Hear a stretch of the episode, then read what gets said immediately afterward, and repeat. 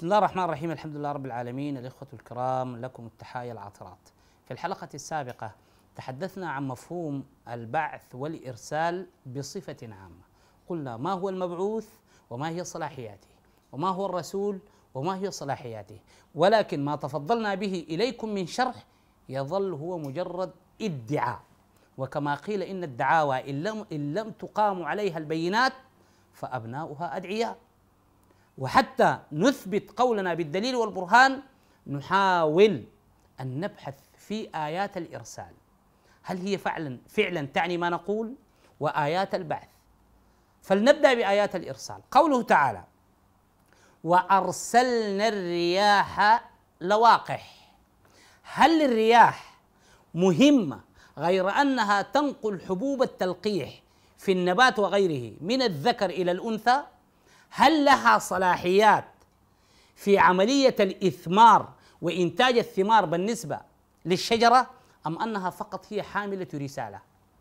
لذلك قال أرسلنا ما قال بعثنا الرياح لواقع كذلك إخوة يوسف عندما قالوا لابيهم يعقوب أرسله معنا غدا يرتع ويلعب. لم يقولوا له أبعثه معنا. لأنه هو لأنه ذاهب ليلعب ولا دخل له بما سيقوم به إخوته. يعني ما عنده مهمة معهم. أرسله معنا غدا ويرتع. في سورة يوسف نفسها. الذي نجا من السجن وقال الذي نجا منهما وادكر بعد أمة. عندما طرح الملك رؤيا لم يستطيعها الآخرون لم يستطيعها الملأ. قال ذلك الرجل تذكر عندما كان مع يوسف في السجن أن يوسف بارع في تأويل الأحاديث والرؤى. فقال فقال الذي نجا منهما وادكر بعد أمة أنا أنبئكم بتأويله فأرسلون. ما قال أبعثون؟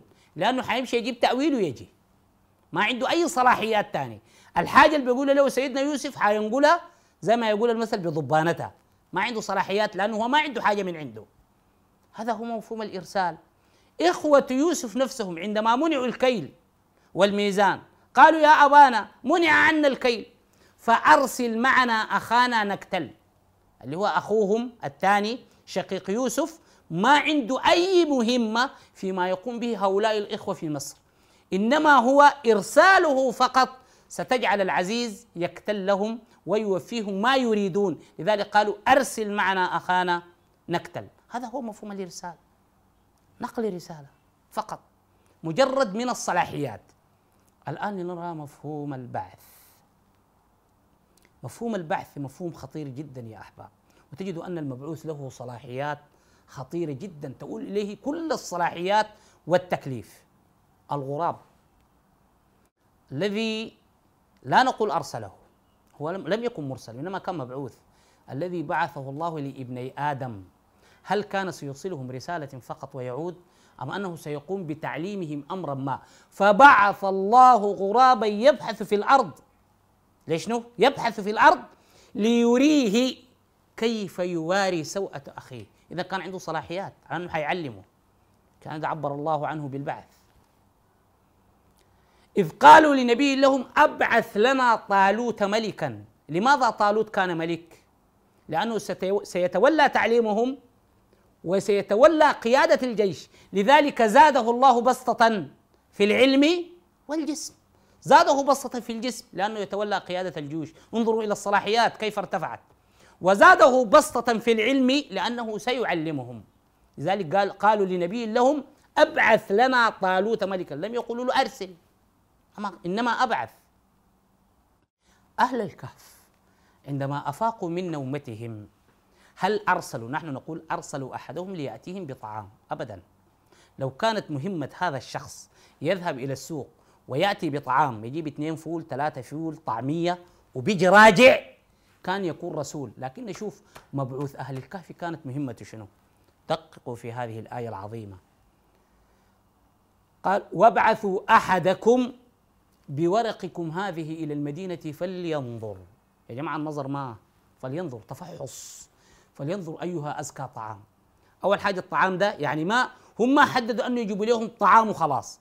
أدوه صلاحيات أو أعطوا هذا الشخص صلاحيات اختيار الطعام المناسب والمغذي والزكي ما يكون آه، أكل تعبان يعني. والثمن بتاعه. كلها صلاحيات عنده في أنه يختار الطعام المناسب. فلينظر أيها أزكى طعاما. وليتلطف ونجي للمهمة الكبيرة. ولا يشعرن ها قال لا يشعرن به أم أن الآية قالت لا يشعرن بكم. الشيء الذي الأمر الذي يقفز إلى ذهني ولا يشعرن به أحدا. لا.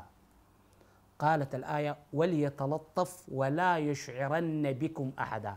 تخيلوا أن هذا المبعوث من أهل الكهف مرهون بالناحية الأمنية كلها لوجود هؤلاء الفتية. يعني الشخص ده لو دقس أنا ما أعرف كلمة دقس أنتم حتفهموها أم لا. هذا الشخص يعني لو بدر منه أي خطأ لاكتشف أمر هؤلاء ولقتلوا جميعا.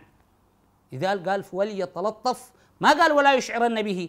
الشعور به هو مرهون بالناحية أو بالأمر الأمني لكل هؤلاء الفتية. وليتلطف ولا يشعرن بكم أحدا. أليست هذه الصلاحيات واسعة؟ ولذلك أطلق عليه الله أنه مبعوث وليس مجرد رسول. الآية الأخرى عندما يقع شقاق بين الزوجين وإن خفتم شقاق بينهما وقع شقاق بين الرجل وامرأته أو بين الزوجين ولم يصل هذا الشقاق إلى مرحلة الطلاق. لم يصل إلى مرحلة الطلاق. في حالة الشقاق والمشاكل الزوجية يأتي حكم من أهل الزوج وحكم من أهل الزوجة. الحكمين ديل يا جماعة بتقول لهم كل صلاحيات الزوج والزوجة. بمعنى أنت لما تفوض الزوج يفوض حكم من أهله والزوجة تفيض تفوض حكم من أهلها الحكمين ديل آلت لهم صلاحيات الزوج والزوجة. بمعنى القرار اللي بتأخذوه بيكون ملزم للطرفين. بيقول لك تشتري لها ذهب جيب لها خادمة في البيت تسكنها في بيت منفصل بيحكموك. وإيه هي الزوجة؟ إنت إذا أمروك أو طلعوا بأي قرارات حتكون ملزمة للزوجة. لذلك عبر الله على هؤلاء الحكمين بماذا؟ قال أرسلوا قال وابعثوا. وإن خفتم شقاق بينهما فابعثوا بحكم من أهله وحكما من أهلها. عبر بالبعث. لأن هؤلاء الحكام أو الحكمين ديل عندهم سلطات وعندهم صلاحيات يناقشوا الأمر والمشكلة ويطلعوا بقرارات تكون ملزمة للطرفين. هل اتضح مفهوم البعث والإرسال أم لا؟ أختم بهذه الآية التي جاء فيها النص معبرا عن حادثة واحدة واستخدم فيها المفهوم البعث والإرسال مع أن القصة والحدث واحد. قالوا أرجه الملأ على لسان فرعون. قالوا أرجه أو على لسان الملأ. يخاطبون فرعون في قضية المناظرة التي وقعت بين موسى والسحرة. قالوا أرجه وأخاه وأبعث في المدائن حاشرين يأتوك بكل سحار عليم. وفي آية سورة الأخرى قالوا أرجه وأخاه وأرسل في المدائن حاشرين يأتوك بكل ساحر عليم. ألم أقل لكم في الحلقات السابقة أن النص القرآني يأتي بالمترادفات في آية واحدة وسياق وسياق واحد كي يستفز عقل المتدبر ويبحث وكأنه يقول لك لا يمكن لهذه الكلمات أن تتطابق في المعنى. طيب السؤال الملك قالوا أرسل أم قالوا أبعث؟ عندما جاء أبعث في المدائن حاشرين كانت النتيجة سحار عليم. هنا يقصدون المتخصصين من السحرة. لذلك كلمة سحار جاءت على وزن فعال. فعال لما يريد. أما عندما كان الأمر متعلق لكل من تعلم مهنة السحر فقط قالوا يأتوك بكل ساحر عليم. البعث سحار لأن السحار المتخصصين لا يمكن أن ترسل لهم فقط لا يمكن أن تبلغهم المعلومة أن فرعون يريدكم ويأتونك لابد أن ترسل لهم مبعوثا يقعد معاه الترحيل كيف؟ الاستحقاقات المالية شنو؟ أجيك 200 لا نزول ما سهل يعني أنت الآن لو عندك تريد أن تقيم حفلا وتريد أن تأتي بفنان ضخم لا يمكن أن تتصل عليه تلفونيا أو ترسل له مسج تقول له أنا دايرك تقيم لي حفلة ما حيجيك. لازم ترسل له زول من طرفك ويقعد معاه ويديه قيمته ويحدد استحقاقاته. ليه؟ لأنه لأنه شأنه كبير. عشان كده قال وابعث في المدائن حاشرين يأتوك بكل سحار. هؤلاء المتخصصين. أما عندما كان الأمر متعلق لكل من تعلم مهنة السحر قالوا أرجه وأخاه وأرسل في المدائن حاشرين يأتوك بكل ساحر عليم. إذا التفريق بين مفهوم البعث والإرسال كيف فصل هذه القضية؟ وحصر بعثة النبي على أفراد الجيل الأميين الذين عاصروه فهو لهم مبعوث وبالتالي آلت له كل صلاحيات الله سبحانه وتعالى وتكليفه. هنا تكون الطاعة مطلقة أما بالنسبة لنا فهو رسول وما عليه إلا البلاغ المبين.